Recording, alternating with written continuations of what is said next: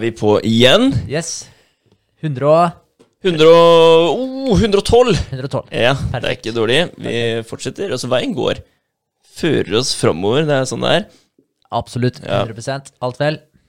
Alt vel. Det er jo Ja. første, første adventssøndag har vært. Ja, stemmer Ja. det. Nå nærmer jula seg med stormskritt. Det gjør det. Det er hyggelig. Det er veldig hyggelig. Jeg ble faktisk kalt for eh, Grinchen av eh, samboeren min eh, her om dagen.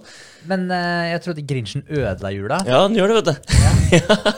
For jeg, sa til henne at altså, jeg er ikke så Det er ikke så viktig for meg da, å pynte. For jeg har jobba, jobba eh, formiddag den helga her, og vært på jobb.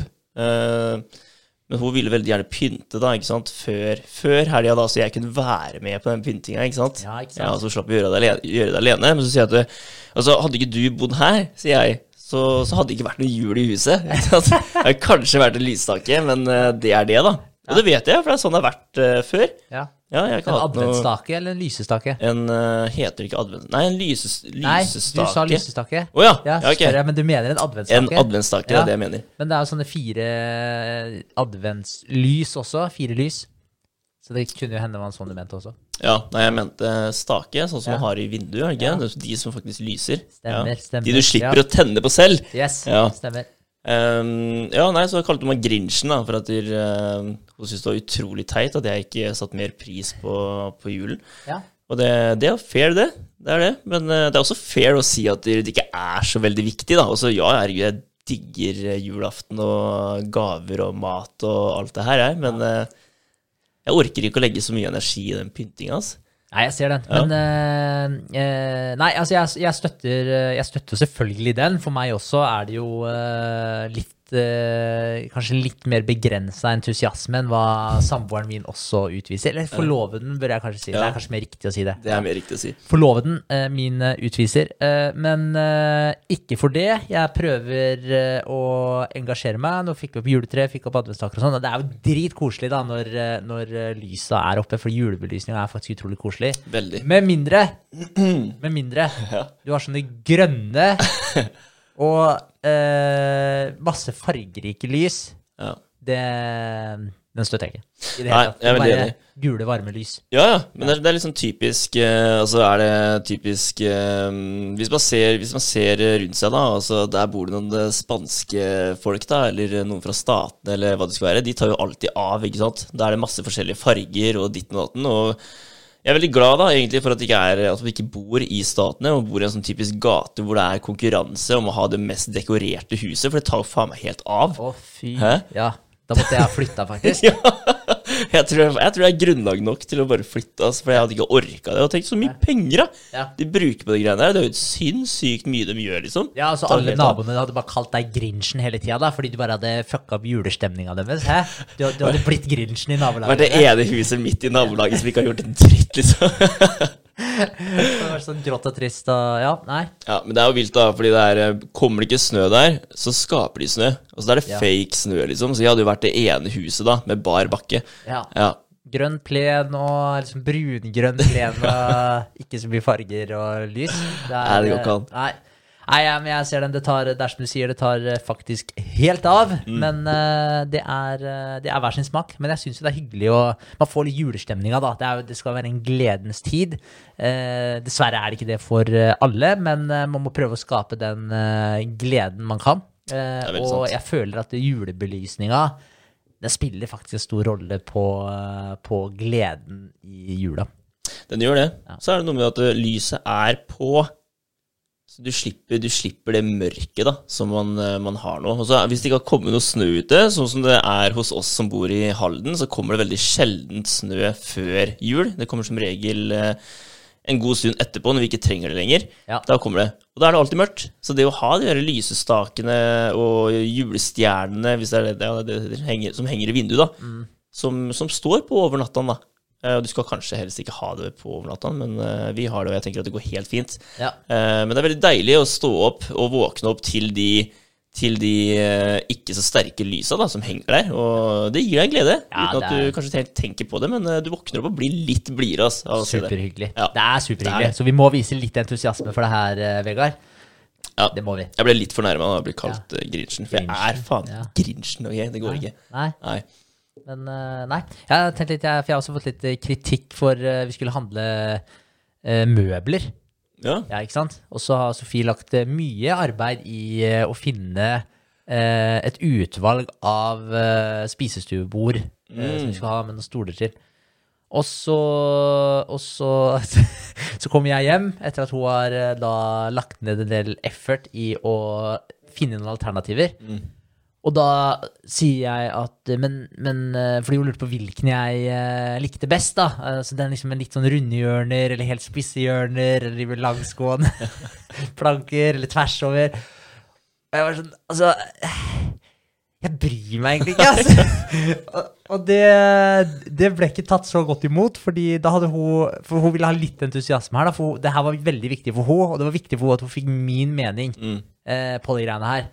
Så, men men eh, fasiten var jo egentlig at jeg, jeg brydde meg jo egentlig overhodet ikke. Men så måtte jeg snu litt på det. Så måtte jeg faktisk se ok, det her er utrolig viktig for henne at jeg har en formening om. Så da kan jeg jo prøve å engasjere meg litt. Grann. Ja. Og så tenkte jeg jo meg litt om etterpå også, og da var det sånn at hun hadde brukt mye tid på å luke ut alt rasket og gi meg typ tre alternativer da, som jeg kunne være med å Du velge skal gjøre det enkelt for deg, da. Og skulle det. Ja. Så, så, så når jeg tenkte meg litt om og så det fra det ståstedet der, eh, så endte det med at vi viste litt mer entusiasme, og så ble jeg med henne inn, og så, så kjøpte vi en eh, spisestue, da. Så, så jeg tror man må gi og ta litt. Det er egentlig det jeg skal fram til. Sant. i utgangspunktet kunne jeg ikke brydd meg mindre, men ettersom det faktisk betydde så mye for henne, så begynte jeg å bry meg litt mer, og så ble det faktisk en ganske hyggelig greie, da. Ja, men det er kult. Ja. Så dere har et nytt uh, spisebord nå? Nei, det er litt leveringstid på det, så vi får det Ja. selvfølgelig ikke før etter jul, da. Første uka i januar eller sånt. Selvfølgelig. Er ikke det ganske kjipt, egentlig? Det er når du skal ut og kjøpe ja, spisebord, da, i deres tilfelle, eller sofa, eller hva det skal være, og du, når du er ute og handler noe, da, så vil du som regel ha det med en gang. Du vil ikke ha en eh, to, tre, fire måneders leveringstid, så du er nødt til å gå og vente på de greiene der. For hva skjer da? Jo, du får opp en, eh, du får opp en varsel på telefonen, da, eller du er inne og titter på nettet, da, så ser du en annen sofa, da. Ja. Og den bare, Oi, den var enda finere, og så har du tilbud nå, ikke sant? Til og med. Ja, det, ja. Ja. Man må holde seg unna, vet du. Ja, man må det. Ja. Men uh, jeg støtter den. Det er litt uh, kjedelig, ja. Så det nye, fantastiske kjøpet ditt, det ble brått gammelt og en nedtur. Ja, ja. Ja. Nei, men jeg tror vi har landa ganske bra på den her. Jeg syns det var veldig fint sjøl, så jeg tror det kommer til å passe, passe fint inn. Så, det, så jeg tror det blir bra, jeg. ja, det er Ja, kult. og nå Ja, det, jeg tror det blir bra. Ja, gøy. Det blir fint og hyggelig å se òg. Det gjør det. Definitivt. Ja. Eh, når vi prater om dette med mindset, da, Mm. i forhold til eh, tanker, hvordan du ser på ting, og hvordan du Ja, hva skal jeg si? Setter deg i andre situasjoner, hvordan du klarer å påvirke den her oppe sjøl, for det har jo mye med perspektivet eh, man eh, setter ting i. Ja. Og det var det jeg tenkte å dra opp litt i dag, fordi det er en bok som jeg har eh, lest, som har gjort eh, veldig stort inntrykk på meg, som fra tidligere. Eh, og det er boka til James Allen, eh, 'As a Man Thinketh'. Og den uh, leste jeg for uh, Det begynner å bli en god stund siden nå. Vi har snakka en del om den tidligere uh, også, men jeg tenker at den påminnelsen av det innholdet da, som han har i den boka si, det tenker jeg er verdt å få en liten recap på innimellom. Få en liten påminnelse. Mm. Så man kan Hva skal jeg si? Fortsette å vokte tankene sine, styre dem på, på riktig, riktig vei. ja. Og eh, ja, samtidig være litt mer bevisst på det. For jeg føler disse prosessene, når det har med tankesettet ditt å gjøre, eller om du bestemmer deg for en ting, med mindre du klarer å skape en god rutine av ting med en eneste gang, så har det en tendens til at man siger tilbake til gamle vaner. Ja, ja, Ja. selvfølgelig. Så etter en viss tid, hvis du har bestemt deg for at ok, nå skal jeg begynne å bli flink på det her, så brått så har det gått tre uker, og så har du ikke gjort det på tre uker, og så er det sånn, ah, hva, hva skjedde? Altså, hvorfor skjer det? det? Det lurer jeg på. Hva, hva, hva er grunnen til det? For det, det, er, det er litt som Det er egentlig med det meste da, når du bestemmer deg for å gjøre en ting, og med mindre det her skal bli Altså, det er måten å se på det, se, se på, det på, da. Altså, hvis det skal bli din nye livsstil, så er det jo greit. For da, da begynner du med det her, og det her skal vare. Men det er jo typisk eh, diett, da, for eksempel. Bare det at man kaller det en diett, så er det jo gjort. Det vil jo si at da, da er du ferdig med det etter hvert. Noe som gjør at du vil falle tilbake til de gamle måtene, ikke sant? Absolutt. Ja, det er typisk, men hva er det som må til for at du skal gjøre en endring, og at det skal, at det skal vare, da? Altså, du må jo endre du må jo endre deg sjøl, men du må også endre det, det, det rundt deg. da. Altså, det, det blir jo som at skal, du, skal du slutte å være han kriminelle, så må du slutte å henge med de kriminelle vennene dine. ikke sant? Ja, men Ja. Det, er- det er kanskje noe med det å Altså, jeg kan ta introen eh, på den eh, boka også, fordi mm. jeg tror den faktisk er litt med å svare på det du spør om der. Ja, ok. Eh, Det han sier at formålet med denne boka er, det er å hjelpe menn og kvinner med å forstå at de dem selv er skapere av dem selv. Mm. Så ut fra den moralske kvaliteten på tankene som de velger å underholde, at sinnet er mesterveveren av både det indre klesplagget av karakteren og det ytre klesplagget av omstendighetene. Og mens de frem til nå kanskje har vevd i ignoranse og lidelse, kan de nå veve opplyst og med glede. Så jeg tror det er det stikkordet der. De dem selv er skapere av dem selv. Kanskje folk rett og slett ikke tror at de innerst inne At de Hvis du tar en diett, som du sier da, så har du feila allerede der fordi du kaller det en diett, og det er på en måte noe som ikke er helt deg sjøl. Det, ikke- det er ikke måten du spiser på, det er en diett. Så det er ikke en del av på en måte jeget ditt, det er ikke en del av deg. Og det er kanskje det som er problemet, at folk ikke eh, si, identifiserer seg nok med den tingen. da. Det Ja, ja. blir en del av dem. Det blir bare et eh, Det blir noe du gjør for å oppnå et kort, kortvarig mål, da. Gjør det. Du skal bli tynt innen den perioden her, og når du har kommet til eh, eh, målet da, så, så er det over. Da slutter det. Ja.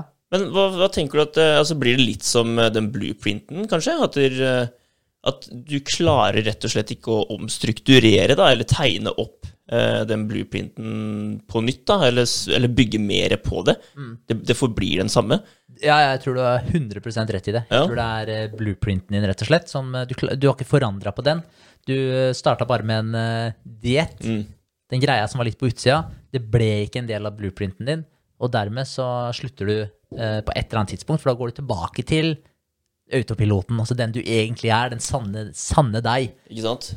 Så, men det han sier, er jo at der, vi er skapere av oss selv, så vi har muligheten til å forandre på de greiene her. Og Det er jo litt inne på den blueprinten som du, som du nevnte der. Jeg tror det er eh, spot on. Ja.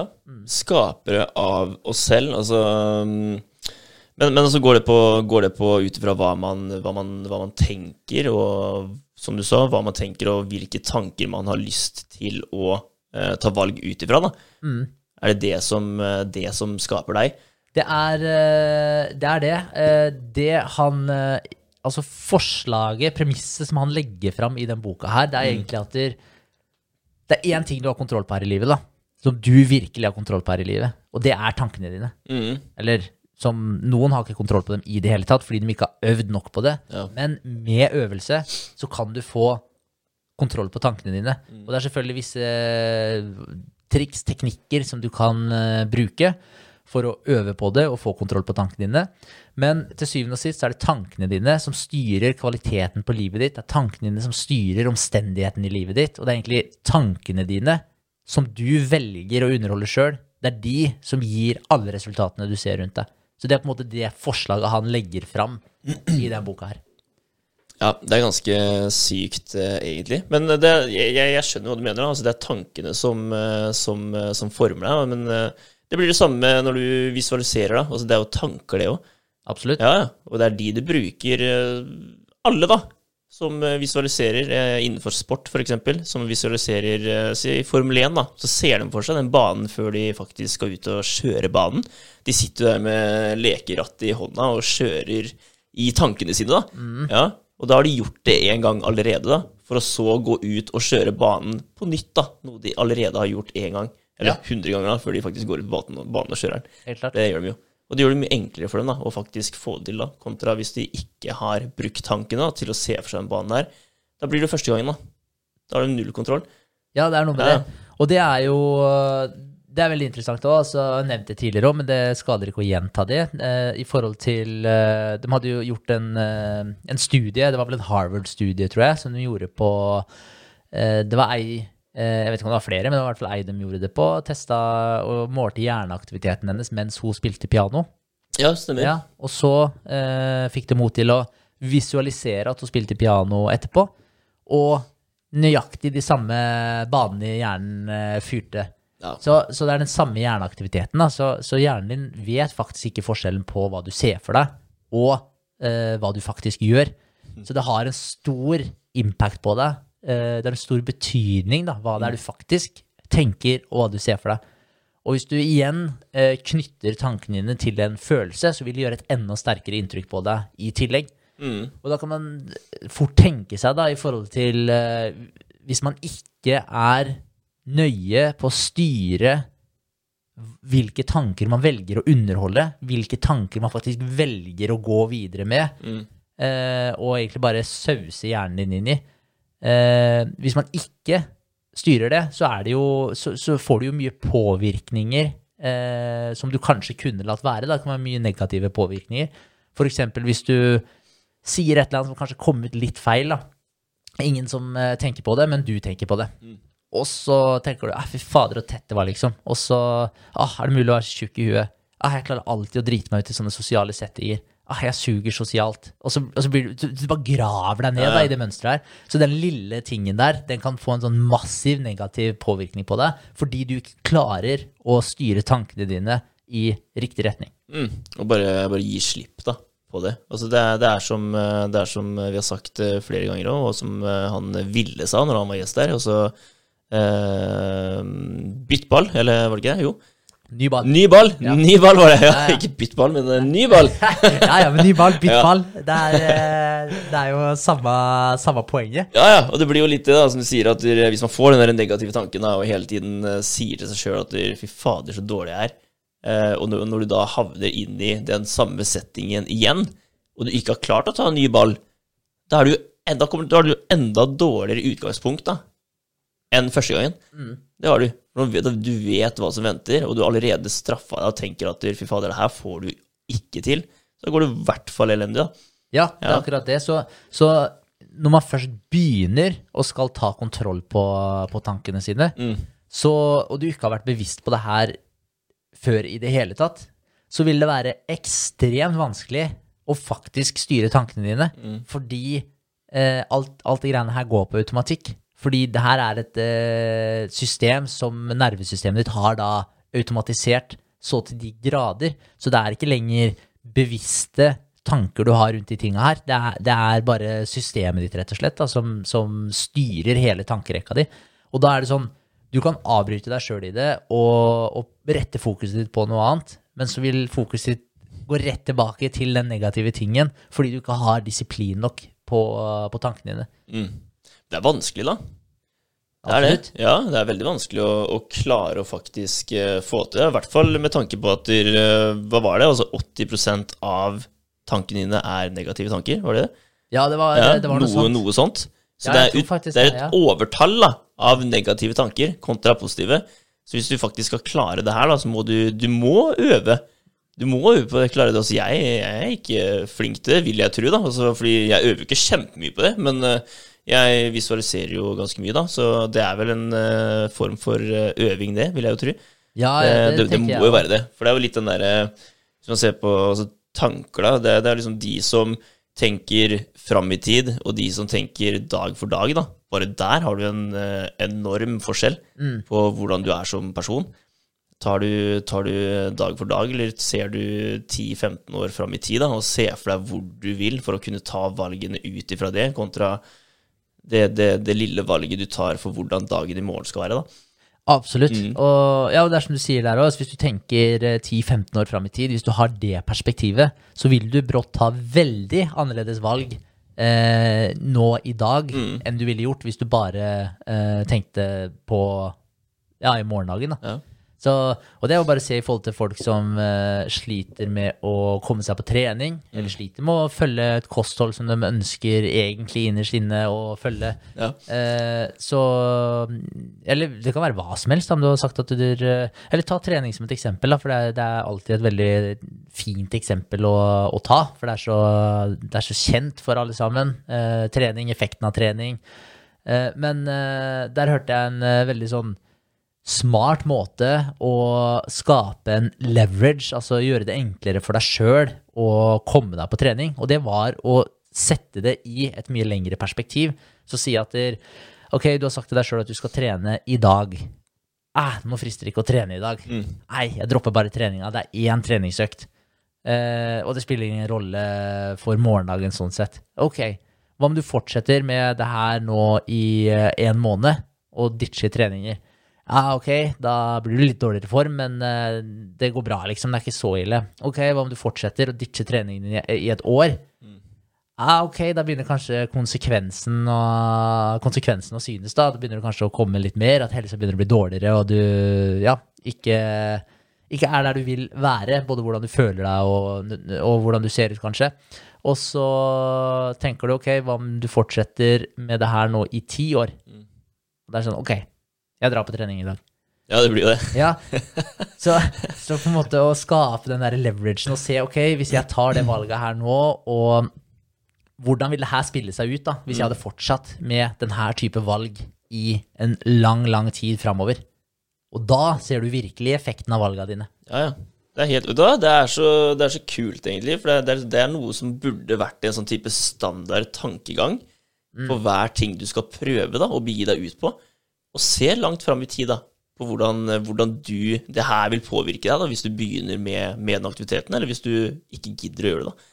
Absolutt. Ja, For det, er ikke, det er ikke mange som gjør det her. Nei, nei, overhodet ikke. Nei. Så, og det er jo bare det med å Hva skal jeg si? Det, bare det med å bli mer bevisst på, på hvordan du tenker på ting, hvordan du ser på ting, hvilken historie du forteller deg sjøl, og, og prøve å styre den mer. For jeg har aldri tenkt på det som noe som jeg kan styre. Nei, Jeg har alltid bare tenkt på at sånn er det, egentlig. ja, Ja. ja, ja, at, det bare, at det bare er en prosess som skjer. Ja. At ikke jeg kan nødvendigvis styre så mye hva jeg tenker på, og hvilke tanker jeg velger å underholde. Og at jeg ikke klarer på en måte å styre det i en ønska retning. Mm. Det er uh, veldig rart, men jeg har ikke tenkt sånn bevisst på det før. Nei, nei, det var ikke jeg heller. Men eh, det å bare klare å gi slipp på tankene dine, ny ball Altså, jeg tenker at den er eh, enormt viktig, ass. For det er eh, Altså, uansett, hvis, uansett hvilken situasjon du havner i, da, og det å klare å Skulle du Skulle du havne opp i en litt kjip eh, situasjon, da, eh, med eksempel eh, hvis du, hvis du er eh, sjef, da, eksempel, og det er, eh, det er veldig mye som skjer, veldig mye negativt, og det at du skal klare å stå der eh, og ta deg sammen, da, og faktisk ikke bare bryte ut i, i tårer foran alle sammen, så er det det å klare å bare gi slipp på det negative og tenke at det, det kommer til å løse seg til slutt. Gjør det. Man må bare face det problemet her og nå, da. Det å stå der og ha den derre ikke det kalde ansiktet, holdt jeg på å si, stone-facen, men eh, det å ja, bite tennene sammen da, og stå i det. Ja, og gå foran som, et, uh, som en leder. Ja. For det er jo det du vil ha ut av en sjef. Altså En sjef og en leder, det er to Ja. veldig forskjellige ting. Og, og det er jo lederen du vil ha, som faktisk uh, går i bresjen. Og selv om stressnivået er opp etter øra Og det er ingen som er mer stressa enn sjefen din innerst inne, Mm. er eller lederen din, da, uh, i utgangspunktet. Fordi det er jo dem som, som som regel da, har mest å tape.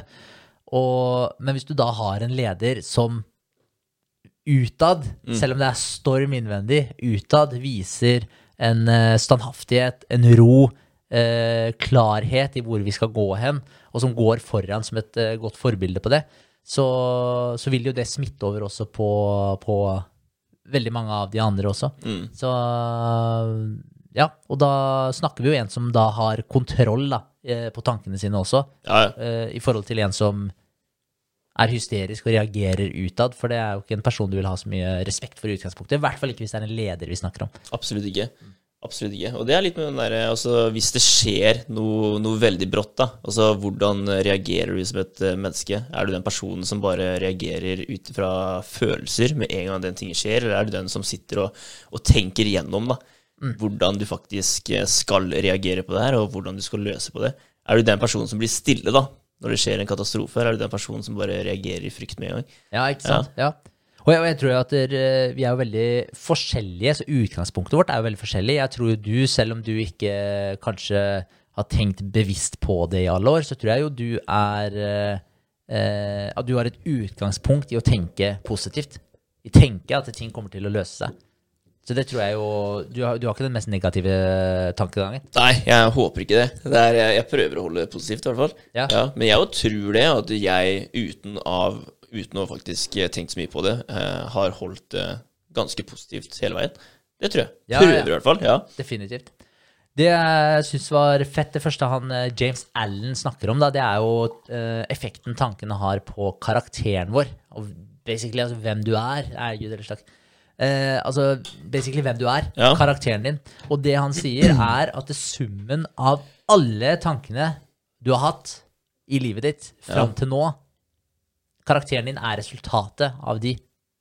Så alle tankene du har hatt fram til nå, det du sitter igjen med, det er den karakteren du er i dag. ja, ikke sant? Men så også ut, ja, fordi alle tankene du har hatt, der kommer det jo også valg. Så det blir jo det blir jo det samme om du sier at alle valga du har tatt, eller alle tankene du har tatt, er den personen du er i dag. Ja, for han sier at det, eh, da at det, er jo tankene dine som leder til valga du tar. At du starter her oppe, og det er det som styrer eh, hvilke valg du velger å gå for. Så Det er, ganske, det er, det er litt uh, speisa, egentlig, når man uh, tenker over det. det er, tenk man hadde fått det som en Tenk om man hadde fått den trykka inn når du var mye mindre. Altså, alle tankene dine er den personen du blir til syvende og sist. da. Så hvordan velger du å bli, da? ja, Ja, Den er vanskelig. veldig vanskelig. Ja, og jeg tenker det det. at man skal jo Ja, for jeg, fordi jeg tenker jo på det som ekstremt fordelaktig jo før du vet det her. Eh, fordi, eh, og grunnen til at jeg sier jo, eh, at du vet det her som om det her var fasit Grunnen til at jeg sier det, det er at det, Ok, si at det ikke er eh, fasit, da. Si at det ikke er eh, sånn det fungerer nødvendigvis. Nei, ok, men ved å ta kontroll på tankene dine, Mm. så vil du dra livet ditt i en vesentlig mye mer positiv retning enn det du ville gjort hvis du lot tankene ha kontroll over deg, og at tankene dine, at du lot dem løpe løpsk. Da. Mm. Så, så det å så uavhengig av om du tror at det, det er eh, fasit eller ikke, så vil det være positivt å tenke at det her er fakta. Mm. Fordi de vil uten tvil, udiskuterbart, dra deg i en bedre retning fordi du har mer kontroll på deg sjøl. Men det, det, det å få kontroll på seg sjøl altså jeg tenker at For å få kontroll på tankene dine og, og på deg selv, da, så, så, så burde man jo ha helt klart ha et mål eller, å gå mot. Ja, Det, det bør jo liksom være det bindepunktet for å klare å, eh, å samle deg sjøl og tankene dine mot et eller annet. da. Absolutt. Han Ja. nevner eh, i eh, boka så nevner han egentlig det at det, det du burde gjøre, det er å sette deg et stort mål, eller skape en stor mening for livet ditt.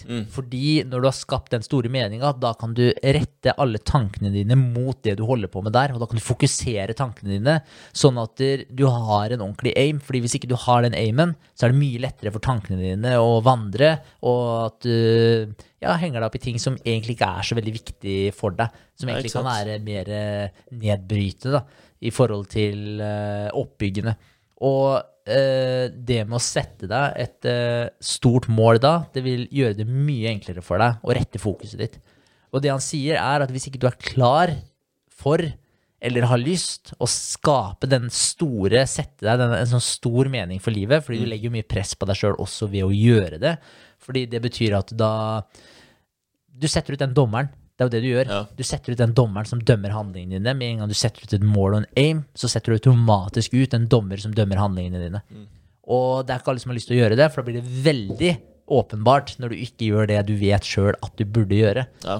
Eh, Så derfor er det veldig mange som velger å ta den eh, lette utveien og la være å sette seg en, eh, et mål i det hele tatt, og bare gå litt på autopilot. Men det han sier da, er at i stedet for å gjøre det, så kan du begynne å perfeksjonere det du driver med. Ok. Ja, så på jobb, for eksempel, da. At du gjør jobben din så bra du bare klarer å gjøre den jobben. Altså Se for deg at du er et postbud som du tenker i utgangspunktet ja, det er bare å levere post. Så er det sånn Ja, hva er det det? Det er jævla kjipt å komme til postkassa di, så kommer du til en krølla avis, og så er postkassa di litt åpen, og så har det regna inn. Ikke sant? Så, så liksom da altså, Gjør litt mer flid i eh, arbeidet ditt. Gjør, altså Du har jo et eh, lokale du jobber på. Er det noe ekstra du kan gjøre der? Smil til folka du møter. da Du får jo et forhold til de du Du kjører jo som regel den samme ruta veldig lenge. Så altså, det er alltid ting du kan gjøre litt bedre. Ja, ja. Så begynn å liksom skape litt uh, Prøv å etterstrebe og perfeksjonere det du holder på med. Og da kan det være en Da skaper du mening ut ifra det. Ja, selvfølgelig. Fader. Det er, jeg syns det er så kult når man uh, begynner å se på det på den måten her. For det er så, det er så enkelt å, å bare, bare glemme det bort og drite i det. Og så, som du sier, da, gjør de små tinga på jobben, f.eks. Altså, vær han duden da, som bare går over og koster det jævla gulvet, liksom. Ja, du gjør det enda bedre for alle, liksom. Og du får en god følelse da, av å faktisk ha gjort det. Du vet at det, det var du som eh, gjorde den jobben her. og andre kommer inn og kanskje smiler, da, for du ser at eh, fader, nå har du endelig rent her. Absolutt. Ja, for som regel så, så tar man veldig lett da, av hva andre gjør, spesielt på jobb. Hvis, eh, hvis eh, kollegaene dine driter i å gjøre den oppgaven, så driter som regel du også i å gjøre det, i hvert fall etter hvert. Når du ser at du er den eneste personen som eh, gjør det greiene her, da, så, så gidder du ikke til slutt. da. For du tenker kanskje at du, hvis jeg gjør det, så, så har jeg innflytelse på de andre. Da ser de at du, ok, han gjør det jo. Han, retter, han setter til rette for andre, kanskje, eller, eh, eller han som koster gulvet, da.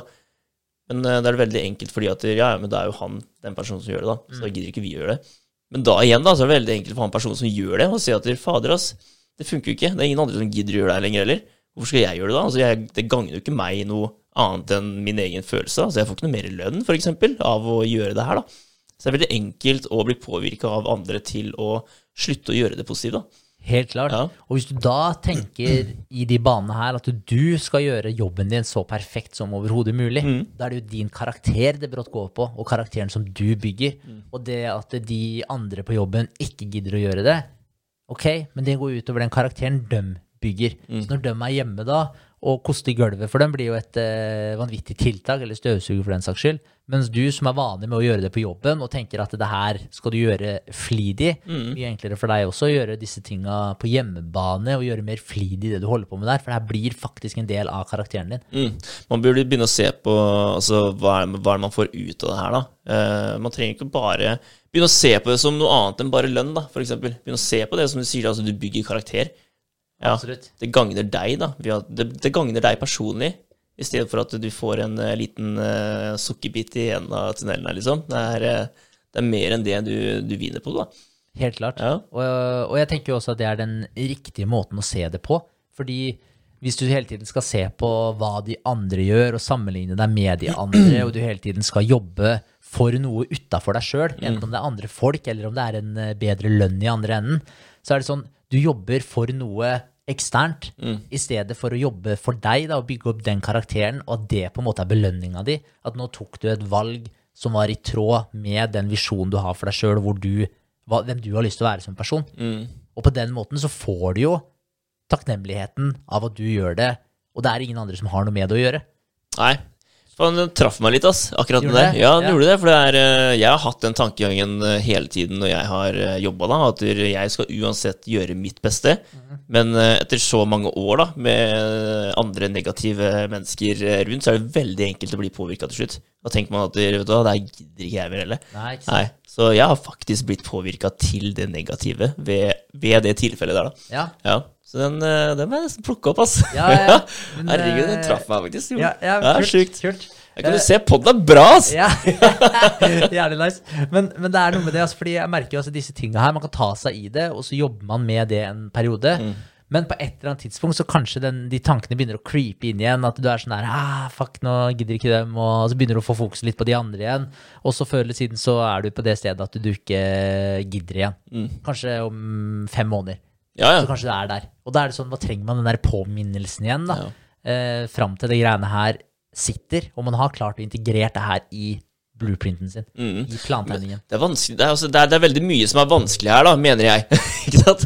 Fordi det er, det som de sier, at du, trenger den påminnelsen. Men hvordan skal du få den påminnelsen? da? Altså, Jeg fikk den nå.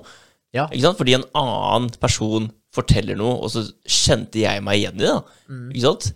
Og det er ikke så enkelt, det, hvis ingen, uh, ingen gjør det. Nei, det er Nei. akkurat det. Og, og altså for min del, de påminnelsene jeg får, det er, det er eh, helt ærlig talt podkaster. Ja. Eh, og høre på ting som jeg har hørt på før, som jeg vet jeg får den påminnelsen gjennom. Men så har du kanskje hørt det, så er du lei av å høre på den samme greia. Så begynner du å høre på masse andre greier, og så har du ikke fått den inputen på ganske mange måneder. Og selv om du da kanskje har forbedra deg eh, noen prosent i retning av å få kontroll på de tinga her. Så kanskje du går litt tilbake igjen. Kanskje du går 6% fram, og så går du 3 tilbake igjen. Ja. Og så trenger du den der påminnelsen igjen.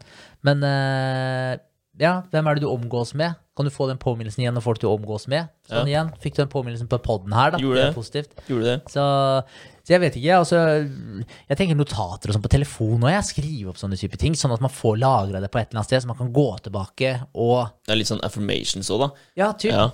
Så bare, bare for å bekrefte det for deg sjøl. Fordi hvis du finner noe som virkelig er av verdi, så, så du får en sånn aha-opplevelse at det her er noe som Det her var verdt noe. Det her må jeg ta vare på. Fordi oddsa for at du husker på det hvis det er første gang du hører en ting, eh, og du tenker ok, det var kult, oddsa for at du husker på det og klarer å implementere det senere, eh, er, det er ganske smått. Fordi systemet ditt igjen er så automatisert på det gamle mønsteret ditt, så det tar ganske, det krever ganske mye eh, innsats fra din side å klare å bryte opp i de greiene her og, sta, eh, og skape disse nye, nye mønstrene. Da. Mm. Så, så det krever ekstremt mye, og da trenger man kanskje x antall påminnelser før det blir en eh, default, da, før det, før det er en del av plantegninga di. ja, det er noe med det. For det blir som å stå opp og pusse tenna om morgenen, da. Yes. Som er en selvfølge å gjøre. Ikke sant? Ja. Det, ja, absolutt. Så eh, det som han eh, karen her da sier, er at der, uh, han, han sammenligner egentlig uh, tankene våre som en, et frø Ja. eh, som sår en uh, plante. Mm. Og den planta må komme fra det frøet.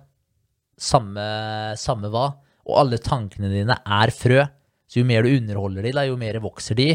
Og, og tenker du negative tanker, så, så sår du negative planter. Og som da vil igjen da forplante seg utover i, i livet ditt. Og du kan også se på personer, for det, det syns jeg også er veldig interessant. Da, det med hvis du ser en person du beundrer, som har ekstremt mange gode kvaliteter eh, For det er jo Det er jo ikke sikkert man alltid klarer å sette fingeren på det heller, hvorfor man beundrer en person, men det er noen man eh, ja, ser mer opp til enn andre. Og det er noen som innehar eh, edlere kvaliteter. Og det han eh, sier, er rett og slett at det, ingenting av de greiene her er flaks. Den personen, hvis du ser en person som er eh, ja, nærmere Hva skal jeg si En eh, Du har den guddommelige personen, som på en måte er den mest, eh, den mest edle eh, Den personen du ser mest opp til ja, ok. Overalt. Og så har du beistet, på en måte, da. Udyret i bånn, da, som bare har en eh, bestialsk oppførsel som eh, du ikke beundrer noen ting av. Du har på en måte ytterpunktene her, da. Mm. Alle karakterer finnes, eller befinner seg da mellom disse to karakterene. Så på et eller annet sted på den skalaen her, så er du, et eller annet sted på den skalaen er jeg, og et eller annet sted på den skalaen er absolutt alle andre her i verden. Og da er det sånn Det er ikke flaks der du er på den skalaen. Det har med igjen tankene dine som du har valgt å underholde. da. Så når du ser en person som du virkelig beundrer, og så, og så tenker man ofte ikke noe mer på det enn det, at det er en person man beundrer. Det er en veldig snill person, det er en eh, intelligent person, det er en eh, velartikulert person. Man har kanskje flere forskjellige sånne typer egenskaper som man beundrer, men så stopper det ofte der, da. Ja. I stedet for at eh, man tenker ok, hvordan har den personen faktisk tilegna seg disse egenskapene her. Jeg føler ofte at man bare gir eh, Hva heter det for noe? At man bare tenker at det er flaks. ja, jeg skal Ja. akkurat si det. Det er veldig Ja. synd at der, eh, veldig mange da sier at der, det er flaks at den personen er som, eh, er som han er i dag. Da. For jeg tenker at hvis den personen Altså ikke nødvendigvis, men uh, veldig ofte, da, så, så sitter nok den personen ganske godt i det òg. Samtidig som at han har tilegna seg alle de gode kvalitetene som han mest sannsynlig har jobba mye med da, opp igjennom eh, for, å, for å få. da. Ja. Og det at folk kommer og sier at der, eh, fader, han der har hatt eh, flaks eh, opp igjennom. Det, det er en veldig typisk greie da, man hører, hører rundt omkring, egentlig. Det, det, det, er kanskje det, man hører oftest. Det er ikke sånn at ja, han har jobba hardt for å komme, komme dit han er i dag. Det er ikke det man pleier å høre. Man pleier å høre at der, han har hatt flaks, han. Veldig sant. Ja. Det er, han sitter i det fordi han eh, Ja, han fikk det servert på et sølvfat. Ja. Det er litt den typiske greia, da.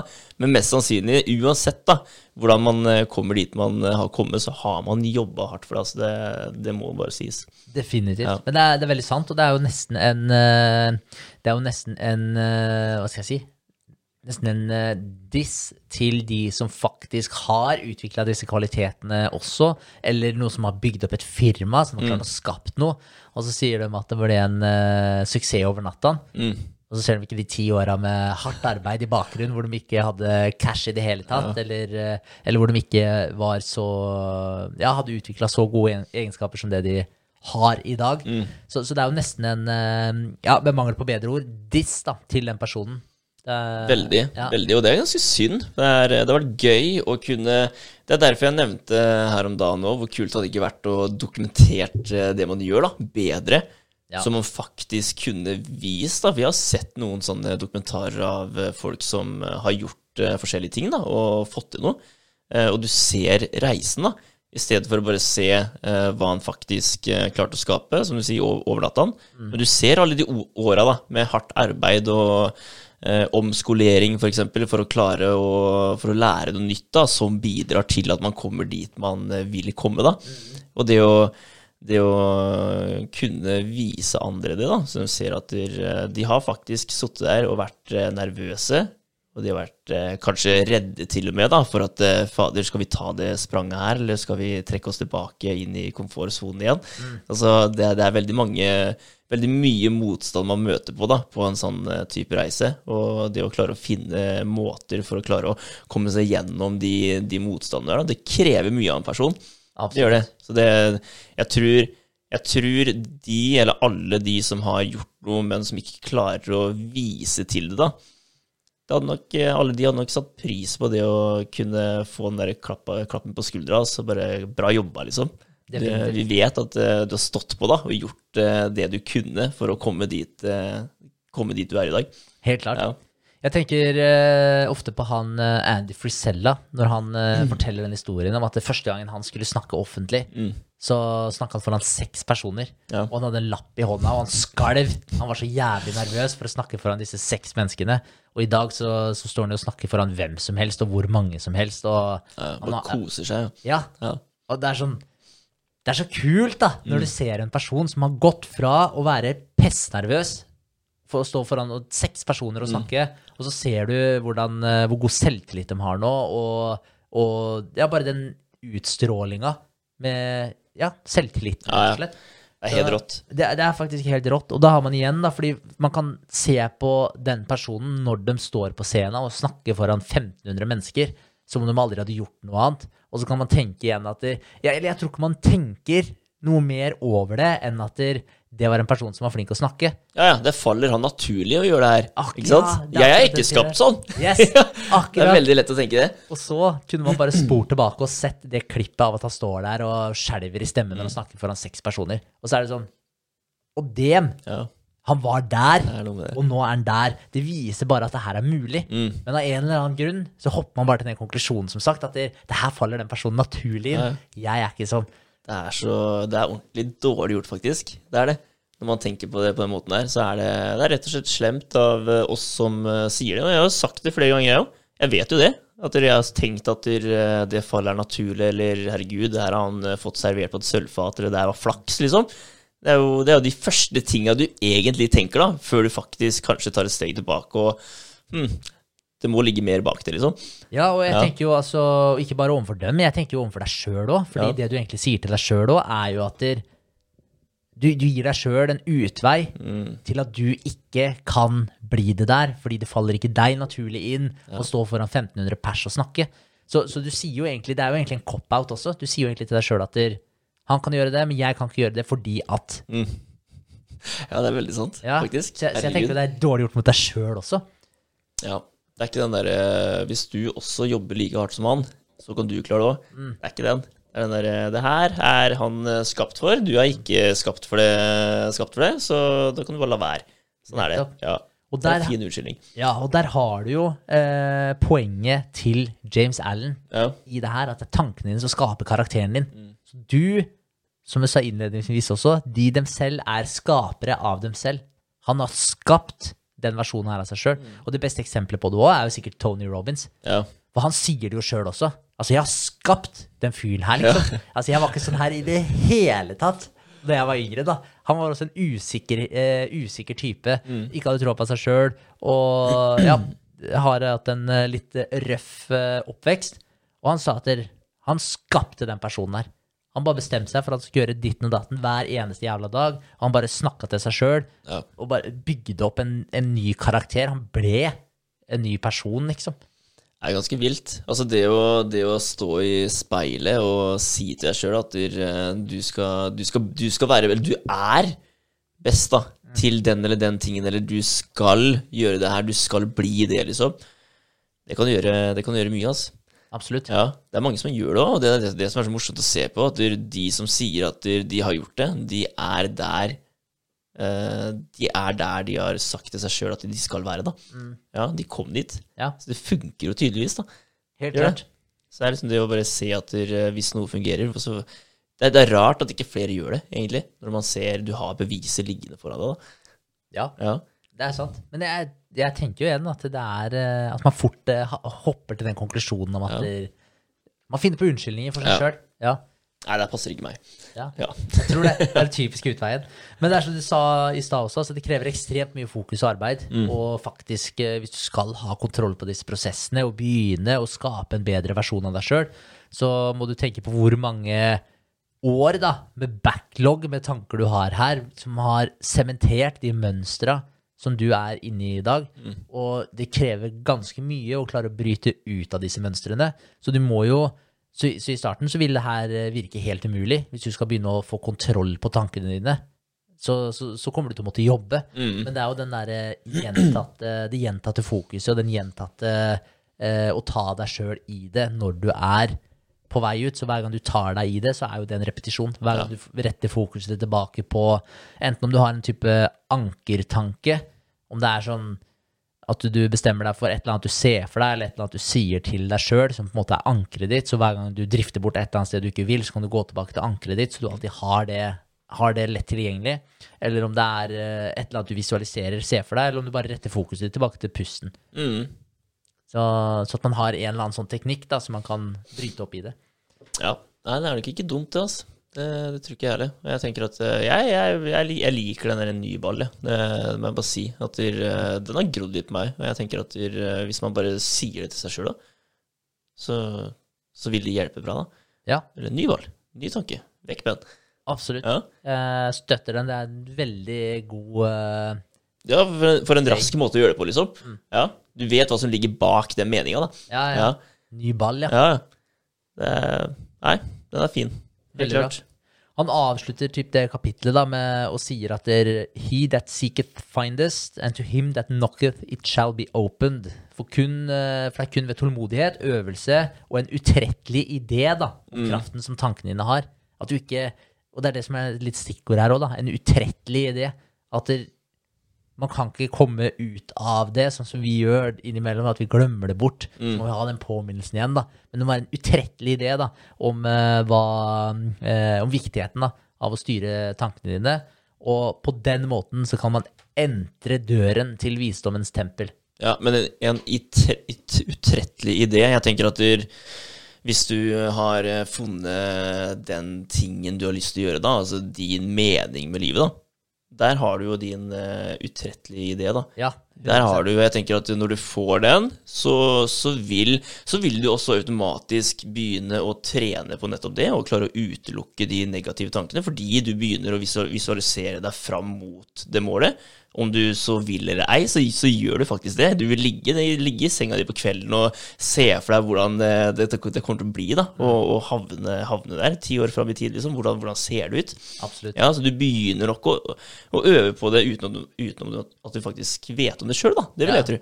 Ja, ja. Jeg, jeg er helt enig i det du sier der, og for det tror jeg eh, at der, eh, Som du er inne på der, da, så hvis du setter deg den visjonen, eller skaper den meninga for deg sjøl, ja, så vil det hjelpe å guide tankene dine. Så da trenger du ikke å være like Du trenger ikke ta en like bevisst stilling til det, kanskje. At det kommer litt uh, mer automatisk. Det tror jeg faktisk. Ja. Så det er uh, selvfølgelig ikke enkelt å finne, finne, finne sin greie, men uh, Det hender, altså. Mm. Det gjør det. Det er bare å lete.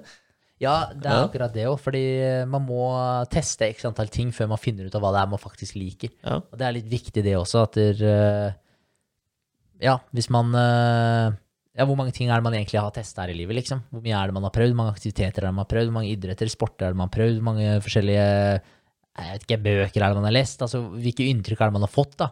En brøkdel av alle inntrykka som er der ute. Ja, ja, helt klart. Og jeg, jeg liker det når man hører, eh, hører eldre, eldre mennesker da, eh, sitte og si at de, de syns det er så synd at, at vi som er så unge, at vi stresser så mye da, over livet.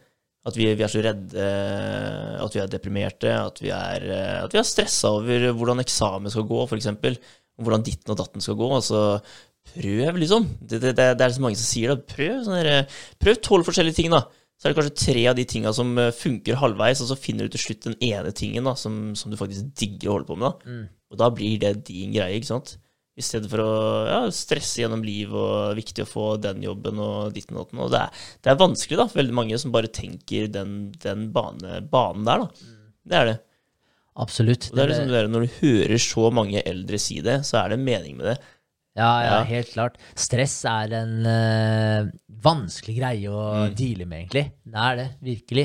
Og det er så Hva skal jeg si? Eh, Jeg føler jo i utgangspunktet at der, eh, ja, meditasjon for meg har vært eh, ekstremt viktig, viktig i forhold, til, i forhold til det å takle stress på en bedre måte. Ja. Så jeg, så jeg føler jeg takler det uendelig mange ganger bedre nå enn det jeg gjorde før. Det lar ikke like mye ting påvirke humøret mitt osv.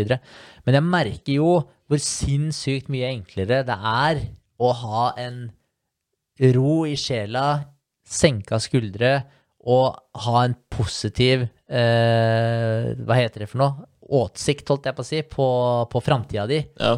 i, eh, når ting går bra Ja. eller ja. når ting er nøytralt, i stedet for når det er mye usikkerhet, og det er mange ting som pågår, og alt de greiene her, så blir det uendelig mange ganger vanskeligere å, å, å takle stresset på en eh, god måte. Mm. Så det er jo alltid veldig lett å si at man uh, takler stress bra, men hvis ikke du har noen faktorer i livet ditt som påvirker stressnivået ditt så veldig negativt, så er det veldig enkelt også. Ja, ja. Kanskje du ikke har blitt utsatt for, eh, for så mye stress, da, at du finner ut om du faktisk klarer å takle det eller ikke. Helt klart. Det er jo ikke sikkert det. Helt klart. Ja.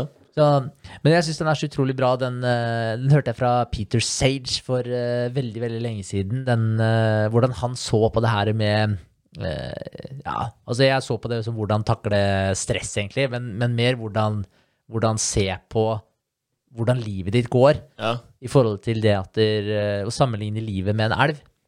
Mm. Så, så enten som da går i sikksakk, mm, for det gjør jo typisk elver, for de eroderer jo, eh, så det blir bare større og større eh, svingninger, da. ja. Og så han sier at den laveste nivået, det er egentlig det er at du svømmer motstrøms, da. At du prøver å bare fighte alt som er, og svømme oppover elva. Ja, ikke sant? Og så er det på en måte neste nivået. Det er at du eh, Hver gang det på en måte svinger til venstre eller svinger til høyre, så hva skal jeg si, tar du tak i land da, og drar deg opp på land og klatrer over til andre sida, ikke sant? Skjønner Ja, finner en shortcut, liksom. Ja, Ja. og så er det ut i vannet der, ikke sant? Og så er det opp på land på andre sida igjen, da, og krabbe deg over, og så uti i, ut elva igjen. Eh, så det er på en måte nivå to. Da går du i hvert fall i riktig retning, men eh, du gjør det på en ekstremt tungvint måte. Og så har du siste nivået. Og det er å vite at målet ditt, der du ender opp, det er enden på elva. Elva kommer til å svinge til venstre, og den kommer til å svinge til høyre. Og du må bare på en måte følge flowen. Du bare la den elva svinge til venstre, og du må la den elva svinge til høyre. Fordi du kan følge med mer eller mindre effortless ned, da. Hvis du bare aksepterer at noen ganger går det til venstre, og noen ganger går det til høyre. Ja, Den tankegangen der tror jeg man enklere får da, når man, når man setter det 10-15 års eh, perspektivet. da. Tankegangen på hvordan Altså et lengre, lengre perspektiv på, på når du skal komme dit du skal komme, da, og ikke bare en dag-for-dag-tankegangen. For, er, eh, for da får du den. Du må bare løse ting med en gang. Bare klatre over det ikke sant, og, og løse det. Så tar du en dag av gangen. Men eh, når du ser at du, om ti år så skal jeg være der, og da vet du, når det kommer et eh, valg eh, som du er nødt til å ta, ok, hva er faktisk det beste valget for meg, da? For som gagner meg, da, mot å komme mot eh, det målet jeg skal til. Da flyter du mye mer med den elva da. Absolutt. Ja. Det er ikke noe det er ikke, Altså, jeg tenker at du tar ikke noe drastiske valg som som kanskje går enda lenger da, til eh, høyre, enn, eh, og så må du liksom ta valg, ta enda flere valg igjen da, for å liksom klare å ta deg litt mer til venstre igjen. Mm. Det, blir, eh, det, det er sånn det vil gå hvis du kjører dag for dag, tror jeg. da. Ja, Ja. ja, ja. Jeg, jeg er enig i det, helt klart. Og bare det med å ha blikket ditt også retta mot enden av den elva også, Mm. det tenker jeg også er viktig, da, sånn at du har en idé om hvor den elva faktisk går hen. For da kan du jo igjen da være med å påvirke at du faktisk eh, går litt i riktig retning også, i stedet for at du ja, jeg vet ikke, at det er masse forgreninger på den elva her, og at du ikke aner hvilken forgrening du, du havner ut på til slutt. da. ja. Så, så han aimen er definitivt viktig. Jeg så en eh, video av eh, en munk. Eh, en, eh, ja, eh, så ut som en sånn eh, buddhistisk munk. Han hadde på seg sånn eh, type eh, Ja, det med mangel på bedre ord. Sånn der munkeklær. Sånn derre kappetype. Du skjønner hva jeg mener? ja, Sånn ja, den der typisk, eh, rødbrune klærne-type. Ja. Der, ja. Eh, og så Og han snakka om eh, det med han, han holdt oppe et eh, smykke, ja. og så eh, Så han holdt bare smykket i toppen, eh, så det hang rett ned. Mm. Og så sier han at der, noen ganger i livet så kommer det positive ting. Så altså smykket, det på en måte representerte anhenget i bånd, da. Representerte den positive tingen. Og da sa han at hvis du prøver å ta tak i den positive tingen og trekke det nærmere deg før det på en måte Og ikke la det bare gå sin naturlige gang, da, men at du reagerer ved at du prøver å niholde på det. Så kan du se for deg at du holder det smykket eh, 30 cm fra hodet ditt, og så tar du tak i det anhenget og trekker det mot brystet ditt, og så slipper du det. Så vil det svinge helt i motsatt retning. Mm. Fordi du skaper et moment der, da. Og han sa det samme med negative ting. Hvis du prøver å frastøte deg den negative tingen, så skyver du det vekk. Mm. Så vil du også skape en motreaksjon der, så det vil svinge tilbake enda hardere og treffe deg senere. Og den likte jeg utrolig godt, for jeg følte det var litt den samme med den elva. Går det til venstre eller går det til høyre, bare følg flowen. Samme med den her òg. Er det en positiv ting som kommer? Ja ja, sett pris på den positive tingen, Mm. men, men eh, ikke prøv å eh, Hva skal jeg si? Jeg, jeg, jeg klarer ikke å si det på noen finne god litt måte, egentlig. balansen eh, i det, da. Ja, Ja, altså, litt en yin-yang-opplegg, egentlig. Ja, noen Ja. ganger kommer det positive ting, noen ganger kommer det negative ting. Det er en naturlig del av livet. Ja, ja. Sånn Lære deg hvordan du skal håndtere det. Ja, Ja. Det, her, det her kommer også til å gå forbi. Ja, Samme om det er positivt eller negativt, det her kommer også til å gå forbi. Det var vel han der eh, Tom Hanks så jeg en video som sa 'This too shall pass'. Ja, too ok. shall pass. Ja. Har du hørt den? Nei, det jeg ikke. Han, eh, den var litt fin, egentlig, fordi de snakka om det at der, eh, det var en ting som han ønska at han innså tidligere. Mm. At hvis det var en eh, kjempefæl ting som, som skjedde, this too shall pass. Ja. Hvis det var en kjempepositiv ting som skjedde, this too shall pass. Ja, det er sant, da. Og det er litt den samme med den der, det smykket der, da, det Mm. anhenget. Du kan ikke ri bølgen for alltid, da. Altså, det vil alltid, det vil alltid stoppe opp, og så vil det komme en ny bølge. Absolutt. Ja. Så det, vil gå opp og ned, men eh, sånn er det jo. Sånn er livet. Altså, det må man, eh, det må man bare finne seg i, altså. Helt klart. Ja. Men jeg føler det der bildet på den, eh, den elva, det er Så ja, den, den Det er vanskelig å alltid sette helt konkret ord på det, men jeg føler at den beskriver det på en veldig fin måte. Altså Mm. Ja. bare sånn Hvordan man kan forholde seg til ting. Det er vanskeligere, lettere sagt enn gjort, men, men det går an å ha et bilde på det, i hvert fall, så man kan prøve å etterleve. da. Ja.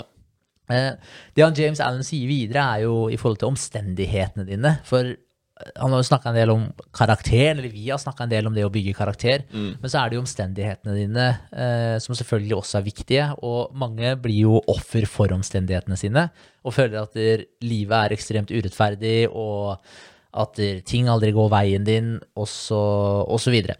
Så det han sier, det han sammenligner livet ditt med, er en, eh, en hage. Og at du må stelle hagen din.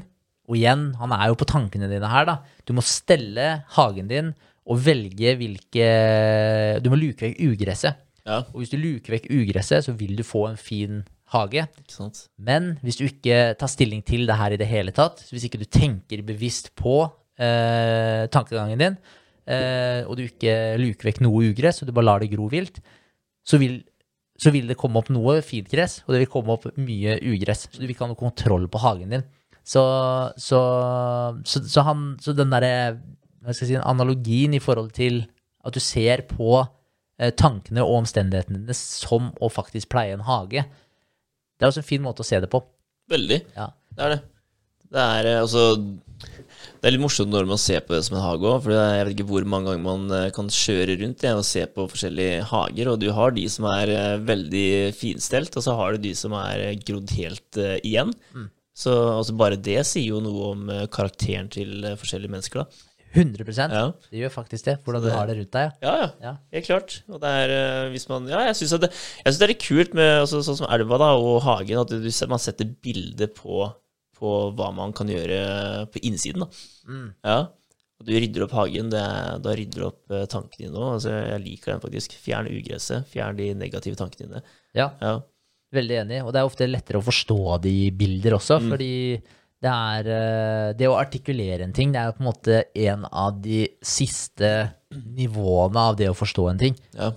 For eh, man forstår det jo mest som følelser i starten, og så forstår man det som bilder, og så kan man forstå det på en måte som man klarer å artikulere det senere. Men det er på en måte langt ute i rekka av forståelsen av en ting. Så det kan ofte være lettere å faktisk forstå ting, meninga med ting, når man faktisk har et bilde på det. ja. ja det er jo sånn vi gjorde det før òg. Altså før i tiden, da. 100% Ja, det er jo hvis man tenker, eh, tenker eh, Hva heter det for noe? Altså, hvis man ser på Medusa, da, for eksempel. Ja. Ja, det har skapt en bilde av, av frykt, da. Mm. Ja, at, du, at du blir eh, gjort om til sten, da. At du, du blir så redd at du stivner, ikke sant? Ja. Ja, da, da lagde man man bilde på ting, da. Du klarte ikke å beskrive det, så da ble det en, eh, ble det en, en skulptur, holdt jeg på å si, da, isteden. Ja, absolutt. Fortellinger. Det er Ja, ja, helt klart. Myter videre. Det er eh, ekstremt mye visdom eh, bakt inn i de. Helt klart. Eh, så det han sier, er jo at der, eh, uansett, da, så vil tankene dine før eller siden vil manifestere seg ut i eh, omstendighetene dine. Mm. Så tankene dine vil skape omstendighetene dine. Eh, og han sier at omstendighet, omstendighetene dine vil alltid være en refleksjon av den innvendige tilstanden din. Men, og det er et viktig men her, det betyr ikke at omstendighetene dine er en refleksjon av den totale karakteren din.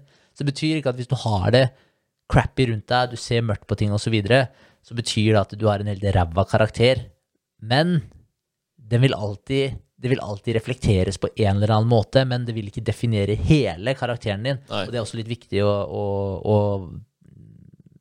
ja, understreke, så ikke man tenker at der, du er en ræva person hvis Ja. du har det kjipt rundt deg, for det, er- det er jo ikke tilfellet. Det er jo bra, da. Altså, du er ikke en lost cause, liksom, fordi ting er ræva rundt deg.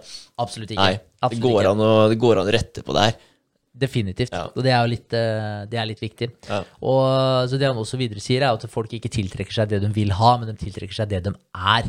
Så én ting er jo hva du forteller deg sjøl, men en annen ting er jo faktisk hva det er du utstråler. Og der kommer du også inn på det her med of attraction osv. At det er ikke bare det du ser for deg og tenker, men det er det du faktisk er. Det du føler, som du trekker inn i livet ditt. Ja. Og de er jo litt overlappende, altså de of attraction og det han prater om her. Veldig. Det er det.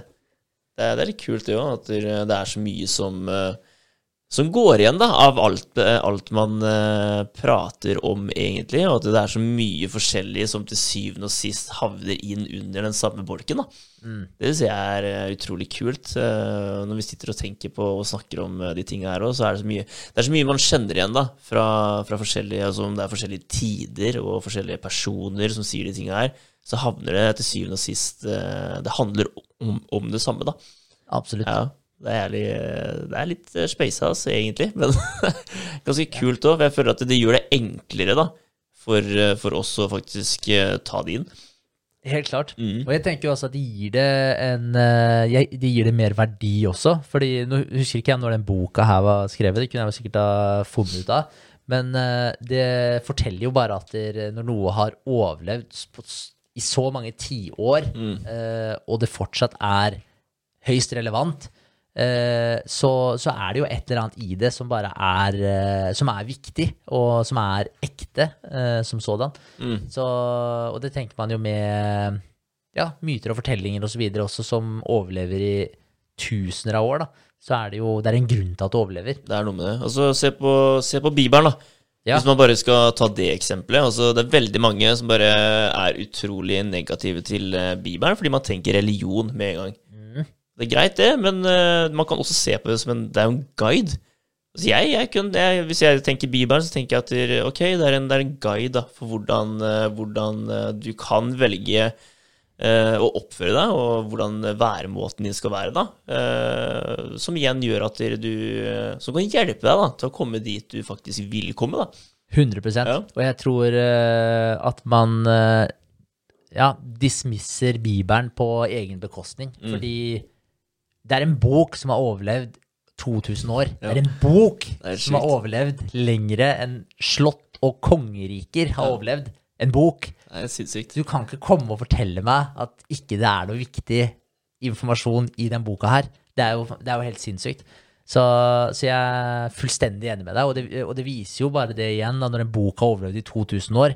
Selvfølgelig er det et eller annet her som man burde dykke litt grann dypere i. Ja, det er klart det. Det, er, det igjen, da, så blir jeg sånn her altså, Hvorfor er det ikke flere som vil vil, eh, vil lære det, da? Altså, vil se det? Altså, vil, vil faktisk lese den, da, for å finne ut hva er det som gjør den boka her så viktig, da? Altså utenom Hvis man, hvis man ikke er religiøs, da, men det, det må jo være noe annet i den boka her som ikke bare handler om eh, Gud, ikke sant? Hvis man ser på den guiden, da, for eksempel. Altså, hvorfor vil man ikke ta en titt og finne ut hva den faktisk forteller, da? Ja, det er eh, veldig spesielt. Jeg tror, jeg tror at der, en av grunnene det er at der, vi har blitt så forbanna moderne, og vi har kommet i anførselstegn så langt at vi ikke tror at vi har behov for den boka lenger. At vi er forbi det, det punktet der. Ja. Eh, og jeg tror at det er en eh, eh, Ja, hva skal jeg si? Hovmod står for fall. Jeg tror at man eh, kaster ut uh, Kaster ut det og de verdiene der igjen på egen bekostning.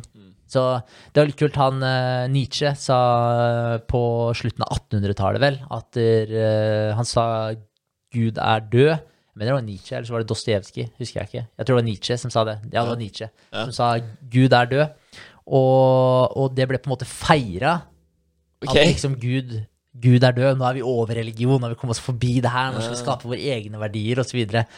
Og så, men han, han eh, var for smart til å se på det som en positiv greie. Han mente ikke det positivt i det hele tatt. Og, og han eh, var jo en av de som trodde at dette kom til å få fatale konsekvenser. Ja. Og det samme med Dostojevskij også. Han har jo skrevet flere bøker, romaner om det her, i forhold til det at der, eh, folk mister troa, altså samfunnet mister det felles eh, fundamentet som holder oss sammen. Da. Det felles fundamentet av verdier, hva som er eh, hva skal jeg si, en god moral, da, hvordan vi skal leve, hvilke prinsipper vi skal leve etter. Og, og de begge to forutså jo mye av de forferdelighetene som skjedde da i det 19. århundret med tanke på nazismen og kommunismen. Da. Ja. Og der har du jo to retninger eh, som igjen hata religion. De, de trasha jo alt av symboler, og religiøse osv. var jo ikke Hva skal jeg si, det var jo en av de største fiendene Ja. eh, til eh, disse ideologiene her. Eh, og, og det forutså jo mer eller mindre både Nietzsche og Dostojevskij at det kom til å skje, som en følge av at nå har vi kommet så langt at nå er vi forbi, forbi religionen. da. For de mente at vi er ikke gode nok. Altså vi er ikke, vi er ikke utvikla nok til at vi skal sitte og definere våre egne verdier på den måten der. da. Skape vår egen moral. Vi trenger noe eh, svevende som er over oss, som på en måte er transformativt, som hele tiden forandrer seg, og som, hva skal jeg si, er større enn oss sjøl, da. Mm. Ha den røde tråden da, som man følger. Ja. Ja. Så du kan eh, svinge litt ut, og, eller til høyre og venstre for den røde tråden òg, men eh, til syvende og sist så er det den røde tråden man følger, da. Det er litt sånn eh, med den eh, guiden, da, tenker jeg, at der, eh, har du den innforstått, så, så er jo det den røde tråden du følger. Absolutt. Ja. Det, er, det er akkurat det det er. Det vil jo være, ja, som du snakka om i stad, altså når du har en, en aim, så vil det være med å, å styre opp da, handlingene og tankene dine. Det vil være den guiden, som du sier. da. Og, så det er, jo, det er jo litt det det går på. Ja. Så da kan det ligge der i bakgrunnen uten at du må ha det fram i panna hele tiden, men det vil være med å guide deg. Ja, ja. Det Guide blir jo samfunnet. Det blir jo det du tenker på da, når du tar de valga du skal ta. Og så er de valga i, eh, i, i Og så stemmer, går de overens da, med, med den guiden du følger, da. Ja, hvis, det, hvis de ikke gjør det, så kan du ikke ta det valget. Nei. Nei. Da, da bryter du med den personen du er, da. Absolutt. Ja. Så jeg tenker at du, Nei, har man de tinga Har man de tinga i seg, så bare stole på det, liksom, så tror jeg det går bra. Ja, jeg, jeg, jeg er helt enig. Og, og det som er litt interessant også, når vi er inne på akkurat det temaet her òg, det er jo å se på Hvis du sier til deg sjøl at du skal altså Vi snakka litt om den dommeren tidligere i stad. Altså hvis du setter ut et mål, så setter du automatisk ut en dommer også. Og hvis du setter ut et mål om at der, nå skal du trene tre ganger i uka, og det er det du har sagt at du skal gjøre, fordi nå skal du bli i bedre form. Med en gang du setter ut det målet, så setter du ut en dommer som igjen dømmer handlingene dine. Så hvis du ikke drar på trening da, så vil du få dårlig samvittighet. Ja, Fordi du har definert et mål for deg sjøl, så har du Altså, det sekundet du setter ut det målet, så setter du ut den dommeren også. De to er Du kan ikke ta de fra hverandre. Nei. Og hvis du ikke har satt ut det målet, altså hvis du ikke har noen ambisjoner om å trene i det hele tatt, nei, men da vil du heller ikke få dårlig samvittighet av at du sitter hjemme på sofaen den mandagen, da.